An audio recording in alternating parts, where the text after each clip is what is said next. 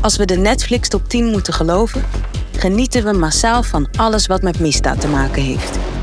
Misdaad en geweld. We vinden het heerlijk om te zien en erover te horen. En tegelijkertijd is het iets dat we in de echte wereld met man en macht bestrijden. In deze podcast vragen we de kunstenaars waarom zij zo gegrepen worden door de misdaad. En vragen we de misdaadbestrijders hoe kunst hen kan helpen in hun werk. Wij zijn filmmaker Julius Ponte en theatermaker Sherilyn Adriaans. En vanaf volgende week luister je naar Tussen Kunst en Misdaad.